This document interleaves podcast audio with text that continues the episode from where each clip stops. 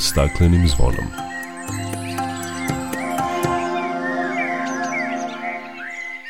Poštovani ljubitelji prirode i čuvari životne sredine, dobrodošli u emisiju posvećenu aktuelnim dešavanjima kao i važnim temama i zanimljivostima koje su u vezi s očuvanjem okoline.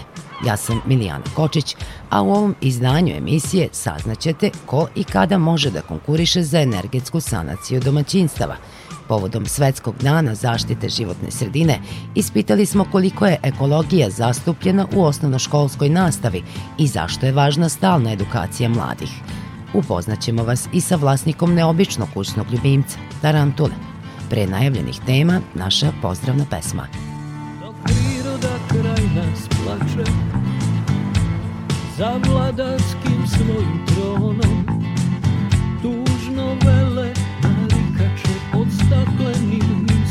zvonom Znaj vazduha više nema Sve manje je i ozona Protiv sebe ide čovek i to često bez pardona. Uništenju živog sveta Kao da su skloni Čovek sam je sebi meta Zbog njega ovo zvono zvoni Uništenju živog sveta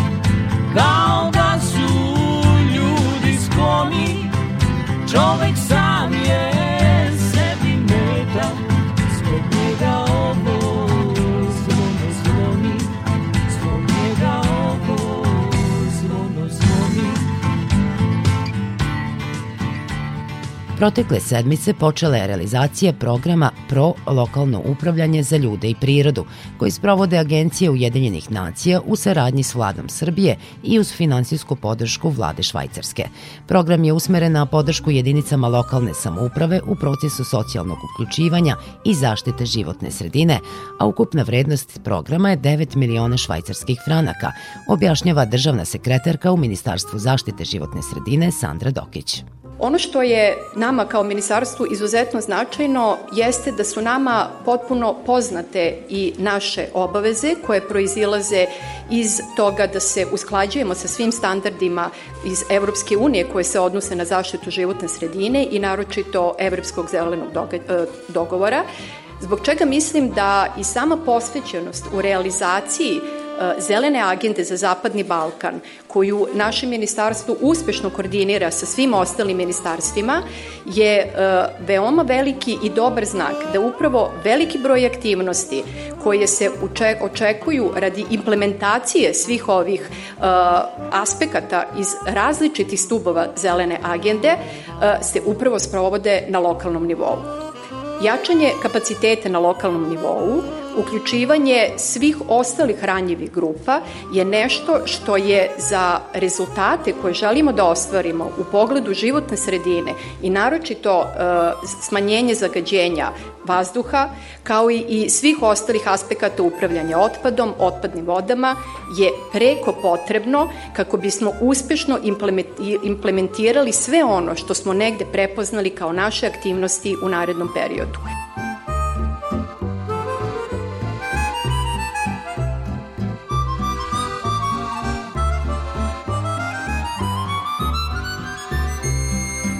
Ministarstvo rudarstva i energetike uputilo je javni poziv jedinicama lokalnih samouprava u okviru novog programa za energetsku sanaciju porodičnih kuća i stanova.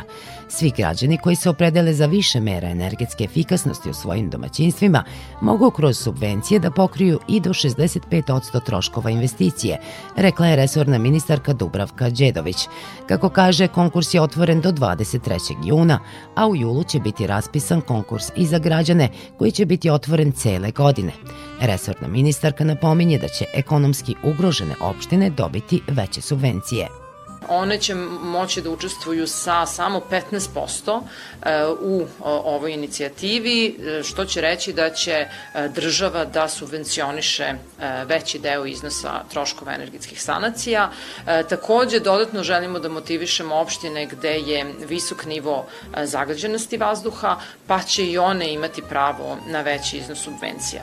Ono što smo kroz ranije pozive uspeli da ostvarimo, to je da je 20.000 domaćinstava energetski sanirano, znači popravili su svoju izolaciju ili su stavili solarne panele na svoje krovove um, ili su druge mere uh, energetske efikasnosti um, uradili, zamenili sto, stolariju. Država je u to uložila 2,7 milijarde dinara i ako pogledamo neki, neku korist uh, od svih tih ulaganja, praktično smo uštedili uh, jednu godišnju proizvodnju toplotne energije toplane u Nišu. Onda možemo da shvatimo kolika je proporcija ulaganja do sadašnjih. Takođe, ukoliko to uporedimo sa emisijom štetnih gasova, odnosno smanjenjem emisije štetnih gasova, to je ekvivalentno nekih 58.000 automobila njihovoj godišnjoj emisiji. Znači, bez obzira na to koliko je vremena bilo potrebno, opet smo samo za u roku od dve godine kroz tri javna poziva uspeli da sprovedemo ove mere, koristi su izuzetno velike, a ovim pozivom obuhvatit ćemo čak 50.000 domaćinstava, znači dva i po puta više nego u prethodnom periodu sa nekih 50 miliona e, evra ulaganja.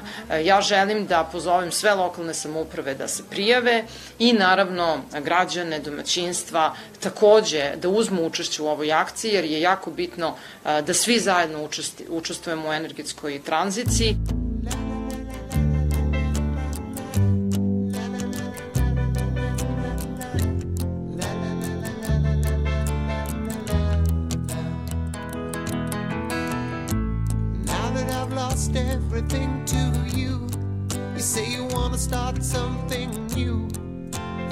Breaking my heart you're leaving.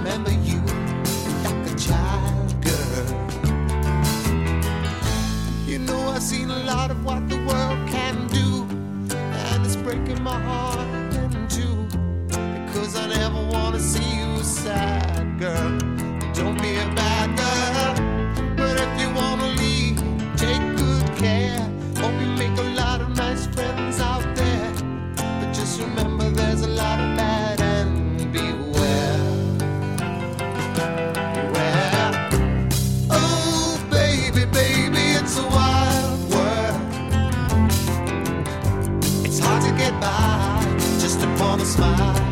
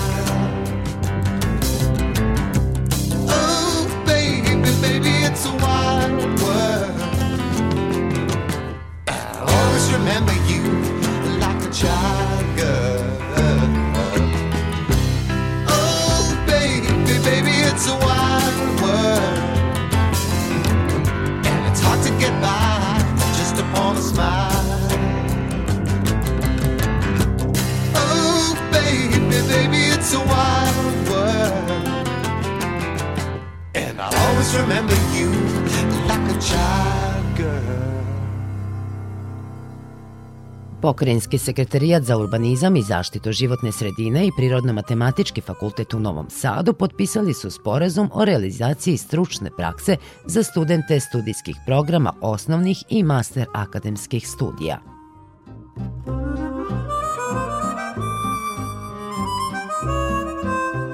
Zahvaljujući sporazumu s pokrajinskim sekretarijatom, studenti Departmana za hemiju, biohemiju i zaštitu životne sredine moći će da provere svoje teorijska znanja, ali i da se upoznaju s radom resornog sekretarijata, objašnjava dekanka Milica Pavkov-Hrvojević.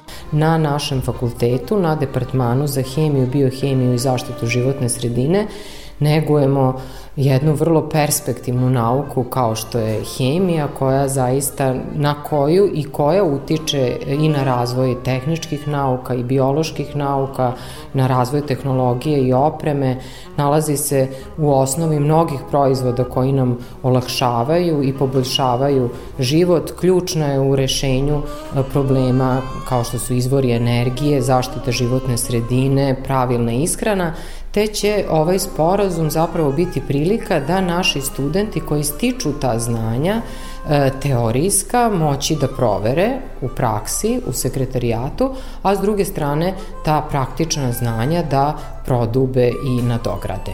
Inače, mi imamo veliki broj sporazuma već potpisanih sa raznim institucijama u zemlji i svi departmani, s obzirom da ih ima pet na fakultetu, a sada je to postala i obaveza u okviru akreditacije, tako da naši studenti sada moraju uh, u okviru studijskih programa da obavljaju stručnu praksu, te u tom smislu i Prirodno-matematički fakultet ima veliku korist, ali sigurno sam i sekretarijat, koji će dobiti kvalitetne i perspektivne studente.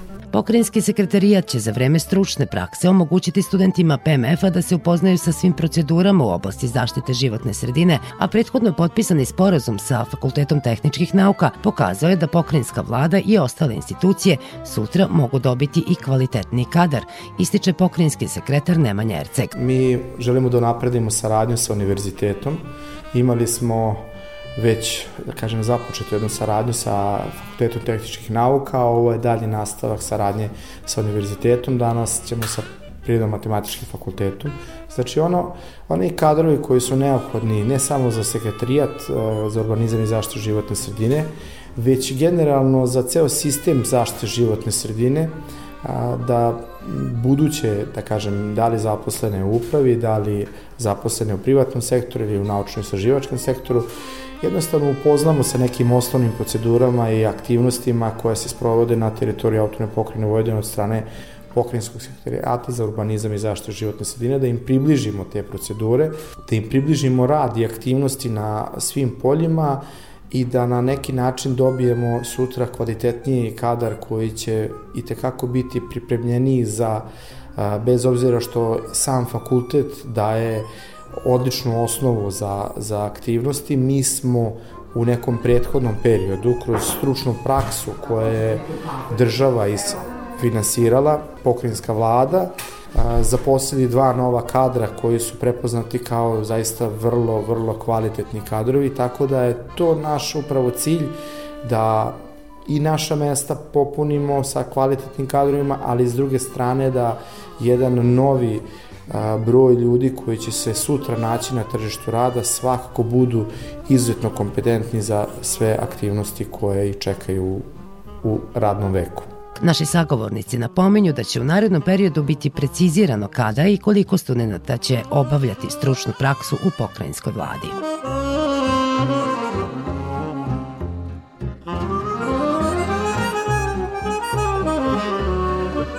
Svest o zaštiti prirode i očuvanju životne sredine deci prenosimo od ranog detinstva. Kako izgledaju časovi iz oblasti ekologije u uzrastu od 5. do 8. razreda i kojim praktičnim aktivnostima se deca bave, više smo saznali od nastavnice biologije Senje Stavrić iz osnovne škole Svetozar Toza Marković u Novom Sadu. Sa njom je razgovarao naš kolega Vlado Matijević. Kako izgleda edukacija učenika vaše škole iz oblasti zaštite životne sredine? Ekološka svest i zaštite životne sredine su teme koje se proučavaju i to od najranih detinstva, a nastavlja se u osnovnom obrazovanju. Prioritet izučavanja ekologije se ogleda i u tome što pa već u petom razredu se uvode osnovni ekološki pojmovi, što ne recimo nije bio slučaj ranije, i kroz jednostavne primere se objašnjava potreba zaštite biodiverziteta. Oblast pod nazivom život u ekosistemu je zastupljena u svim višim razredima. U šestom razredu, na primer, proširuju se znanja o povezanosti žive i nežive prirode i posledicama negativnog, pre svega negativnog delovanja čoveka. Na primjer, u sedmom razredu dobijaju se detaljnija objašnjenja o kompleksnim odnosima organizama i vrstama ekosistema na našoj planeti. S tim što je tu akcenat na to kako ugrožavamo živi svet. Da bi tokom osmog razreda e, se kompletiralo gradivo iz ekologije, kada se najviše recimo proučavaju posledice globalnih promena i to najviše posledice kiselih kiša, ozonskih rupa, pojačanog efekta staklene bašte, ali se tu u tim najstarijem uzrastu u osnovnoj školi nudi rešenja i predlozi za očuvanje biodiversiteta ili oni sami pružaju rešenja i predloge za to. Iz svega ovoga možete zaključiti da se radi o spiralnom načinu obrazovanja, jer se konkretno na ovom primeru sadržaj iz ekologije proširuju iz godine u godinu. E, koje praktične aktivnosti i akcije upražnjavaju učenici vaše škole?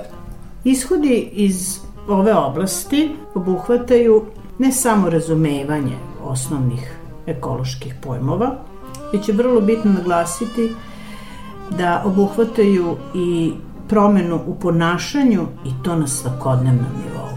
Štednja električne energije, štednja vode, na primjer. Da bi se ishodi usvojili, učenicima se podstiču sposobnosti, evo sledećim aktivnostima daću vam nekoliko primjera.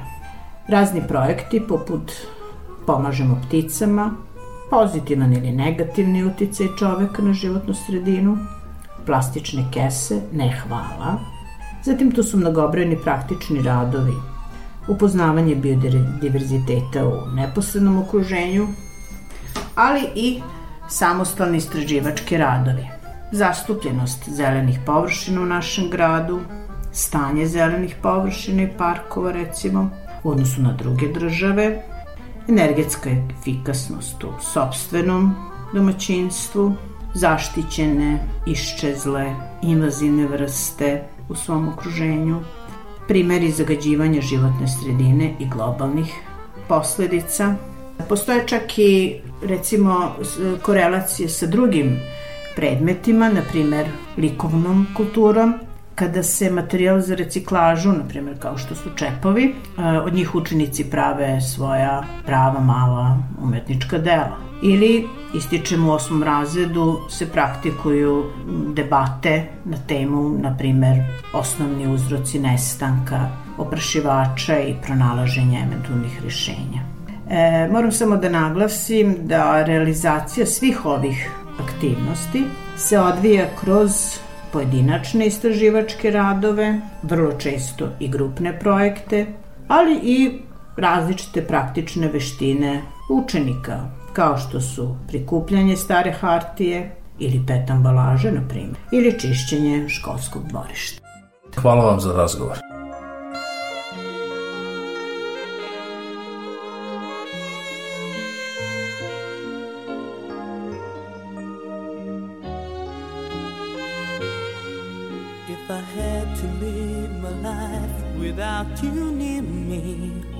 The days would all be empty. The nights would seem so long. With you, I see forever oh so clearly. I might have been in love before, but I never felt this strong. Our dreams are young and we both know they'll take us where Hold me now,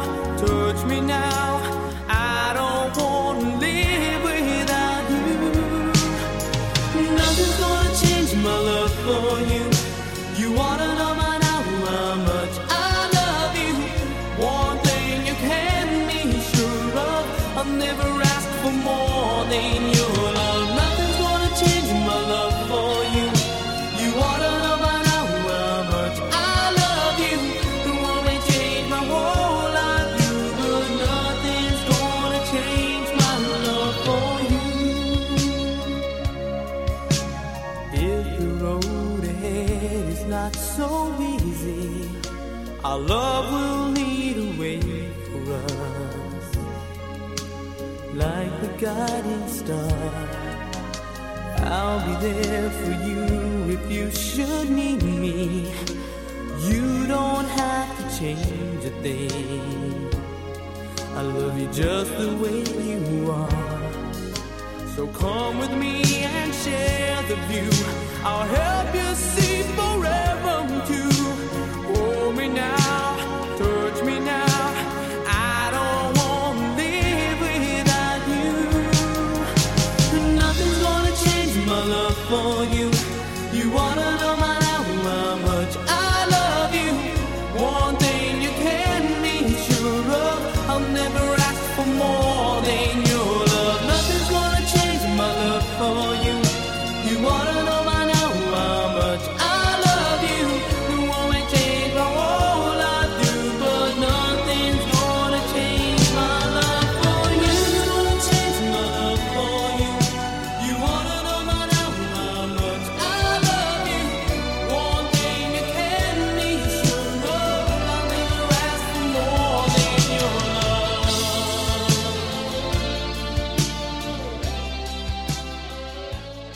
Sutra se obeležava Svetski dan zaštite životne sredine, a širom sveta tog 5. juna kroz razne aktivnosti i kampanje skreće se pažnja javnosti na brojne ekološke probleme i potrebu očuvanja životne sredine.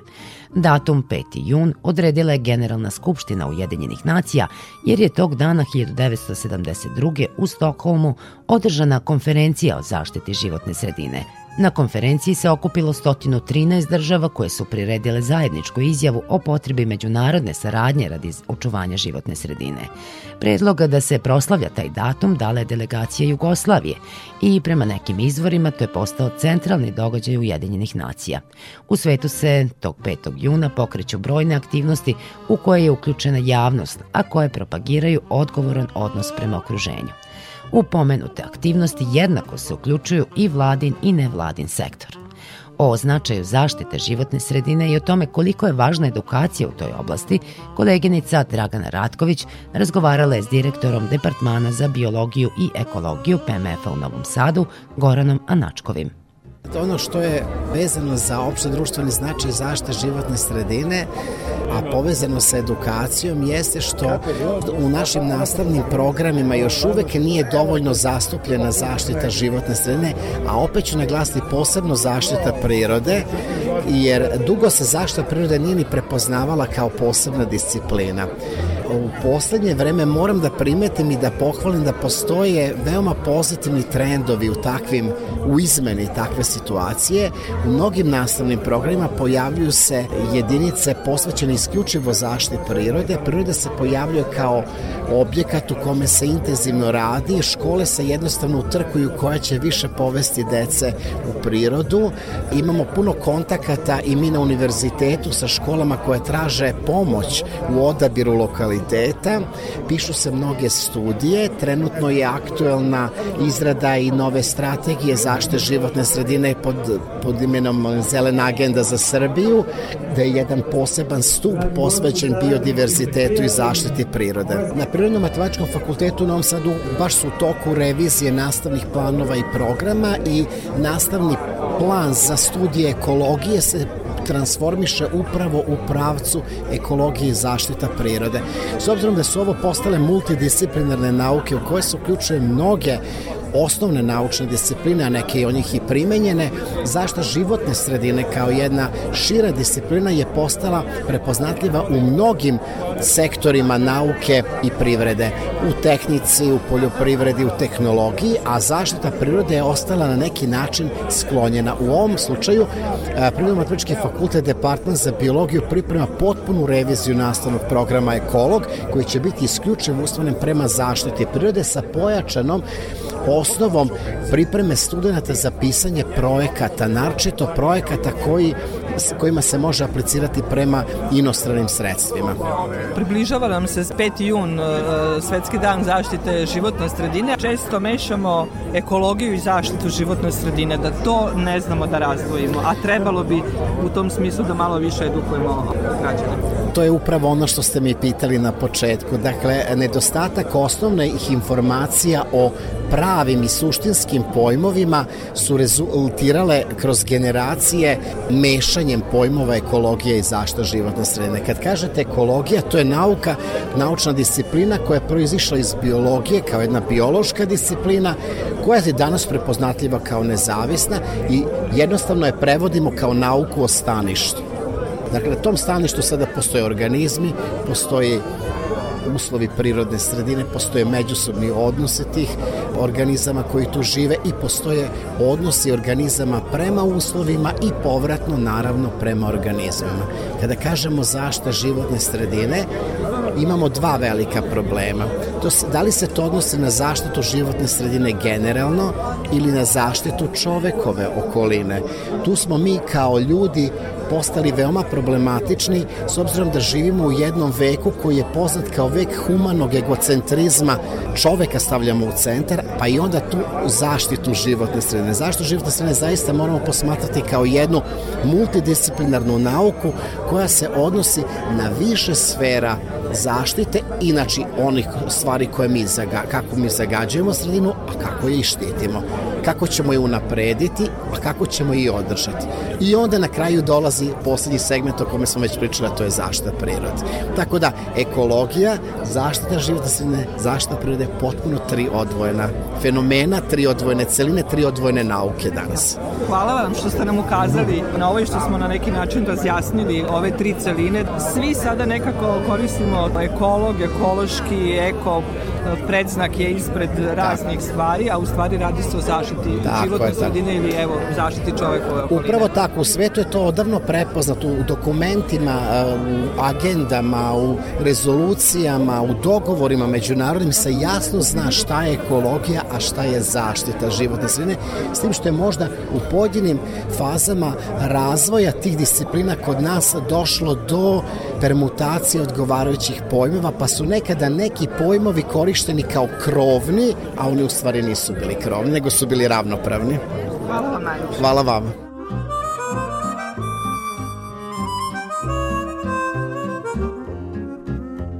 Pokret Gorana Vojvodine, koji je pre više od 60 godina počeo da podiže šumovitost naše zemlje još 80. godina, prepoznaje značaj edukacije o zaštiti životne sredine, jer su tada počeli da organizuju kampove za najmlađe. Oni su u pre desetak dana obeležili 15 godina od osnivanja Ekološkog centra Radolovački u Sremskim Karlovcima, gde se odvijaju razni edukativni programi za sve uzraste, upravo sa akcentom na zaštiti životne sredine. Povodom obeležavanja jubileja priređene su tri izložbe. O tim i drugim događajima u Sremskim Karlovcima kolega Vlado Matijević razgovarao je sa Markom Ljubičićem, koji je u pokretu Gorana zadužen za Kovilsko-Petrovaradinski rit. Kovilsko-Petrovaradinski rit je specijalni rezervat prirode koji je na nepunih 9 km od Novog Sada, nepunih kilometar i po od centra Sremskih Karlovaca. 5 minuta čamcem. 5 minuta čamcem, 10 minuta peške i taj to područje nekako zaboravljeno zadnjih 15 godina, ajde mogu da kažem ako ne jače. E sad, ono što smo mi uradili jesmo kroz međunarodne volonterske kampove i kroz naše aktivnosti otvorili taj prostor. Šta to znači? Znači da smo uklanjali biljne i invazivne vrste, postavljali određeni mobilijar, podizali infrastrukturu, ali to sve u saradnji, moram da kažem, sa javnim preduzećem Vojvodina šume, koji je upravljač tog područja, Pokrajinskog zavoda za zaštitu životne sredine koji nam je izdavao uslove i moram priznati javno komunalno preduzeće Belilo koje nam je izlazilo u susret sa mašinama. Kakva je bila ideja, kako ste osmislili ovu izložbu? Pa ova izložba je neka retrospektiva pređašnjih godina i samih dešavanja u ekološkom centru, a u ovom delu jeste Karlovački Dunavac, neke naše aktivnosti koje sad već ulaze u skoro deceniju, evo 9 godina smo mi tamo aktivni i zaista se ponosimo time jer smo uspeli nekako da to područje oživimo i ponovo ga vratimo tamo gde je bilo. Pre pet godina smo radili, pošto imamo dobru saradnju s osnovnom školom 23. oktobar, radili smo jednu anketicu čisto da vidimo koliko naše deca izlaze na Dunav. Preko 56% klinaca do šestog razreda iz Srenski Karlovac nije otišlo na Dunav. To je poražavajući podatak. Kad pogledate koliko su Karlovci udaljili Dunav. Apsolutno. I samim tim smo doneli odluku, ok, sad ćemo svake godine jednu generaciju da izvodimo na Dunav, na naš brod, na naš katamaran i da im tako približimo samo prirodno dobro. Kao rekreativni ribolovac često sam bio na ovim terenima, sad me malo smeta prilazak Dunavu, ova nova pruga, pa malo teže prilazimo tamo u ovom području gde, je ciglana. Koliko je sad ta infrastruktura koja je u principu bila potrebna načela tu prirodu i ovu lepu okolinu Karlovaca? Pa, ajde, bit ću onako otvoren i iskren. E, konkretno, za nas Karlovčane ta pruga je ocekla Karlovce od samog Dunava. Zašto? Zato što sada tim prolazom ne možemo više da prolazimo kolima, možemo samo peške.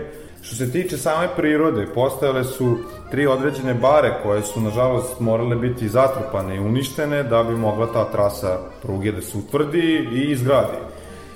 Ono što primećujemo jeste da je ta vodna površina dosta smanjena, da ne kažem za jedno dve trećine je smanjena. Koliko će se to odraziti na same Karlovce, na atmosfersku vodu, na sve ostalo, to će vreme pokazati. Ostalo je ta neka ta neka baza ptica koje nisu i dalje otišle odatle, iako im je, kažem, dom uništen, ajde na neki način. Trudimo se da zaštitimo ono što je u našoj mogućnosti. Ipak smo mi samo udruženje građana, nismo mi institucija neka na državnom nivou da mi možemo da donosimo neke, Apsolutno. neke veće odluke ili neke veće radove, ali mi pišemo projekte, dišemo za vrat, što bi se reklo institucijama, da, da rade svoj posao i, i trudimo se da to područje podignemo na viši nivo. A kakva je situacija kad krenemo ovim lepim karlovačkim vinogradima, pa krenemo gore u pravcu Fruške gore prema Stražilovu? Uvek smo volili da idemo na Stražilovo koje je na nekih 2,5 km, 3 od samog centra Srenskih Karlovaca. Ništa se drastično sada nije promenilo, sem toga da vidim da se ulaz u nacionalni park Stražilovo sad naplaćuje. Ne naplaćuju duše Karlovčanima, ali se naplaćuje ulaz ali nešto sad da se specijalno promenilo infrastrukturalno ili da se nešto sad unapredilo, što bi jel, vremenom trebalo, ne bi trebalo da stoji, već da se unapređuje, nisam primetio da je, su napravljene neke određene promene. A da li je situacija što se tiče e, smeća koje, nažalost, često ostavljaju izletnici, najčešće izletnici, posetioci i nacionalnog parka Fruška Gora i, i, i samog Stražilova, Da li se tu nešto promenilo? Šta da vam kažem, to je sada vruća tema, sad svi su odjedan put ekolozi, svi brinu prirodi, teoretski, a praktično baš nešto i ne vidim da se to nešto drastično promenilo, ali iz svog ličnog iskustva mogu da primetim da su deca s kojima mi radimo imaju malo veću ekološku svest, ipak im je to malo ostalo zarezano u glavi jer se više radi na tome. Ja mislim da će ove nove generacije imati malo reći višu svest, ok, možeš ti imati višu svest, ali bitnije je kako se ti ponašaš. Možeš ti da znaš da to nije dobro što si uradio, ćeš opet posle roštilja ostaviti, stavit ćeš u džak i ostavit ćeš tu smeće i sad kao ti si uradio svoj Neko će doći, to će pokupiti. Tako je, neće niko doći i pokupiti, trebalo bi svako da ima to u svojoj glavi, da kad odeš u prirodu, ok, uživao si, napravio sebi ugođaj svojim prijateljima, najmanje što možeš da uradiš jeste da uzmeš i poneseš to smeće i odneseš ga, jer naše službe i komunalne i sad i u nacionalnom parku i svuda ili nemaju kapacitet, to je ljudstvo da to rade, ili ne mogu da postignu. Marko, hvala mnogo za ovaj razgovor. Hvala vama i pozivam vas sve da se pridružite i u nama u našoj kući Ekološkom centru Lovački, e isto tako i u same Karlovce i što da ne na naš lepi Dunav, da se provozete našim brodom i da vidite... Sezona, sezona kreće, ili tako? Tako je, otvorili smo sezonu 27. aprila, zvanično ove godine i sada uzbudljivo čekamo nove, nove avanture. Odlično, hvala još jednom.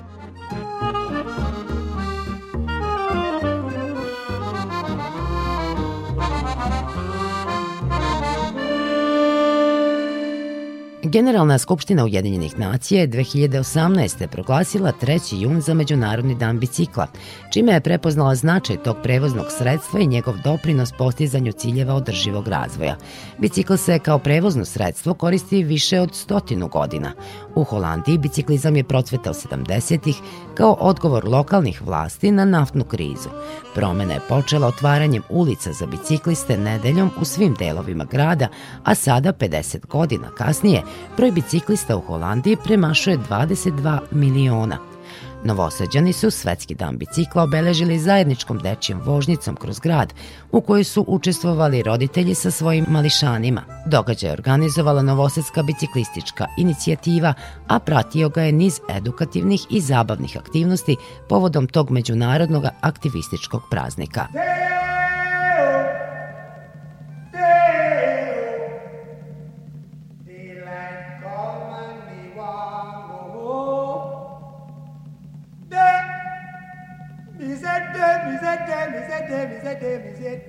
Oh.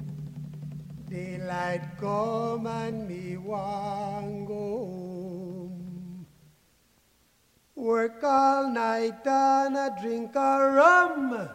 Daylight come and me want go home. Stack banana till the morning come.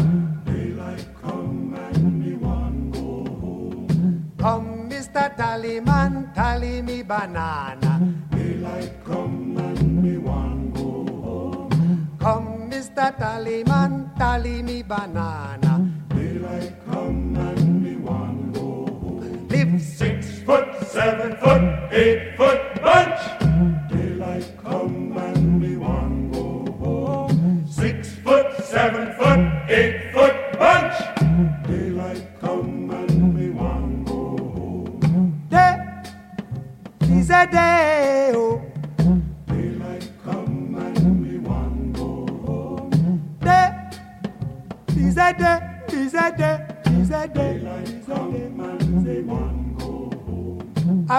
A bunch, a ripe banana. Daylight come and we want go home. Hide the deadly black tarantula. Daylight come and we want go home. Live six foot, seven foot, eight foot bunch.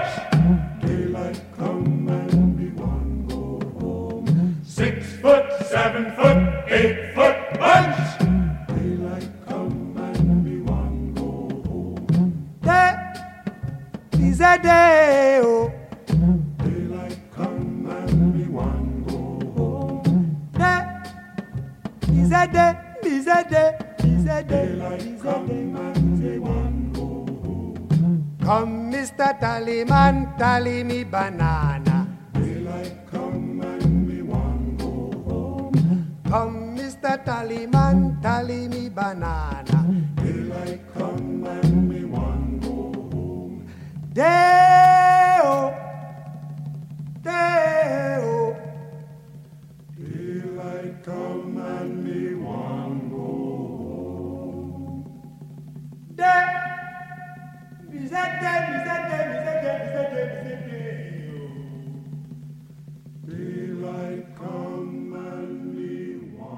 Vi ste na zelenom talasu Radio Novog Sada. Naredne minute posvećujemo životinskom svetu. Nedavno je iz prihvatilišta za zaštićene i strogo zaštićene divlje životinje Zoološkog vrta na Paliću u prirodu vraćen veći broj ptica, pored ostalih i jedan orao belorepan, najveća evropska ptica grabljivica. Više o tome čućemo od našeg dopisnika Kristijana Takača. U prihvatilištu Zoološkog vrta na Paliću trenutno se nalazi oko 200 vrsta jedinke, od kojih su više od 90% ptice. Ptice u prihvatu dobijaju svu neophodnu negu, a posle prstenovanja budu vraćene u prirodu. Jedan deo ptica ipak trajno ostaje u Zoološkom vrtu, objašnjava direktorka Sonja Mandić. Ptice koje ne mogu da budu puštene zato što su im povređena krila na taj način da one više ne mogu nikada, nažalost, da se snađu u prirodi. Biće e, zadržane u našem zološkom vrtu. Mi ćemo pokušati njihovu reprodukciju, dakle razmnožavanje, da bismo onda eventualno e, za neko vreme, možda sledeće godine, uspeli ptiće da vratimo. Iz prihvatilišta je uspešno pušten jedan oreo belorepan koji je tu stigao prošlog septembra sa povredom krila. Pored njega u prirodu je uspešno vraćeno šest češljugara, zbrinutih iz zaplene, deset vetruški i jastreb. Sistem zbrinjavanja strogo zaštićenih divljih vrsta u Srbiji funkcioniše od 2016. godine. Za Radio Novi Sad govori Ilija Biljković iz Pokrinjskog zavoda za zaštitu prirode. Negde na godišnjem nivou mi u principu obradimo oko 300 do 330 jedinki strogo zaštićenih i zaštićenih divljih vrsta. U to sve ulazi znači zbrinjavanje kada su bolesne, povređene, iznemogle, ostale bez brige roditelja u urbanoj sredini ili u prirodi, kada se ljudi plaše kada određene zmije uđu u objekte i slično, čak i tada izlazimo na teren i situacije recimo, nažalost imamo kada izlazimo na teren gde su uginule jedinke i mrtve jedinke u saradnji sa našom pokrajinskom inspekcijom za zaštitu životne sredine. Hoću da kažem da u taj broj od 300 i nešto obrađenih i procesuiranih slučajeva sve ovo ubrajamo. Vraćanje u prirodu oporavljenih jedinki predstavlja krunu zajedničkog rada svih relevantnih struktura koje brinu o zaštićenim i strogo zaštićenim divljim životinjama u našoj zemlji, zaključuje Miljković. Every day she takes a morning bath, she wets her hair Wraps a towel around her as she's heading for the bedroom chair. It's just another day.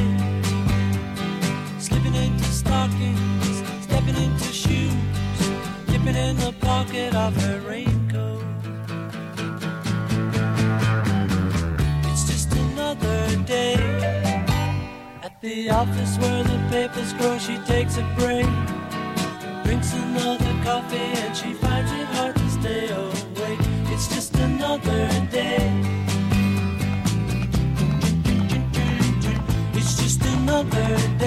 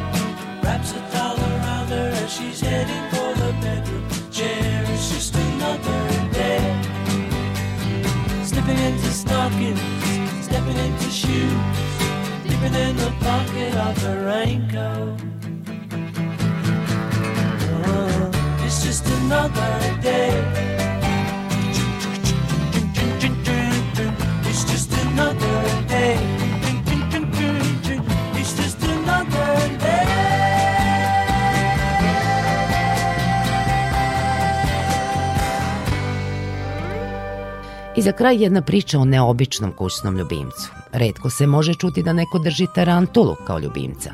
O vlasniku jedne takve egzotične vrste više u prilogu Ivane Lukin iz Stare Pazove. Mnogima nije prijatno kada vide pauka i ne žele ga u svojoj blizini, međutim postoje ljudi kojima su egzotične životinje strast. Jaroslav Farkaš je jedan od njih. Njegov najbolji prijatelj je brazilska crveno-bela tarantula. Ima je već 12 godina i obično joj tepa sa bubice ili mila. Spada u srednje opasne vrste i živi duplo duže od mužjaka kad vas ubode, ovaj, dešava se da neko ima neku težu re, alergijsku reakciju, ali obično to prođe bez, kao ujed pčele ili tako nešto. Ima tarantule koje su mnogo opasnije od nje, na primjer da imate grčeve po 10 dana, jake bolove, ali takve tarantule ja ne preporučujem baš zbog tih e, simptoma i to je već za iskusne odgajivače. Tarantule su mesojedi i hrane se insektima i drugim malim životinjama. Ishrana mora da bude prilagođena njenoj veličini, a starije tarantule jedu svega dva puta mesečno. Najprve jede neke crve koje su možda 2-3 mm dugačke, onda se prelazi na fobase. Fobasi su crvi koji su dugački oko 2 cm, onda tenebrije, to su neki crni pa kao kukci buba švabe i na kraju dubija blaptika, to su ovaj, isto buba švabe koje imaju i do 3-4 cm. Ovi veliki dlakavi paukovi su fascinantni za posmatranje, ali držanje tarantule kao kućnog ljubimca zahteva odgovornost i posebne mere opreza. Treba uvek u terarijumu da ima vlagu od 60 do 70%, temperatura 22 do 27 stepeni, Ja preporučujem da je ne, nešto malo niže, baš zbog toga ovaj, da kažu da onda živi duže. Tarantule su mirne i neagresivne, ali se i tekako brane ako se osete ugroženo. One ima te neke veće zube koje mogu da povrede, ali ne plašim se ovaj, sad posledica više onog straha od tih uh, dlačica koja ima na sebi. Ona to kad oseti da je u opasnosti odbacuje zadnjim nogama i te dlačice ako neko udahne ili ako dođe u kontakt sa očima, mogu da izazovu jake alergijske i bolne reakcije. Možda neki na koži samo svrab, ali uglavnom bitno da ne uđe u pluća, to što ovaj, tu već nastaju neke komplikacije. Ova ljubav je neobjašnjiva. Jaroslav voli tarantulu kao što bi i psa ili mačku, a ukoliko želite i vi da je upoznate, vrata njegovog doma, ali ne i terarijuma, su vam uvek otvorena.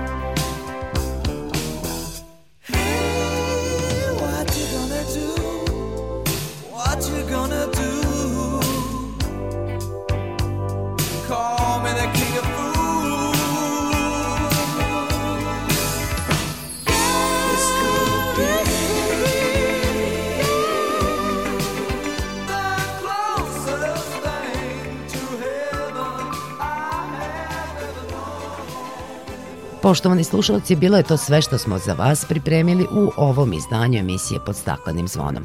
Podsjećamo, ovu emisiju možete slušati i odloženo na našoj internet stranici rtv.rs.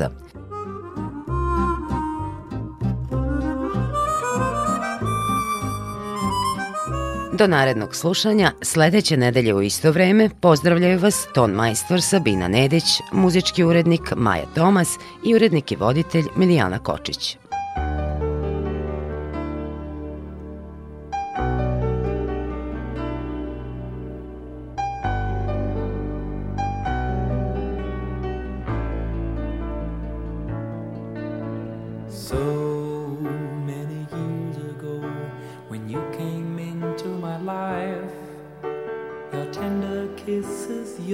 Your sweet lips, forever you'd be mine. Lovers need to give to share their time in all the things they do.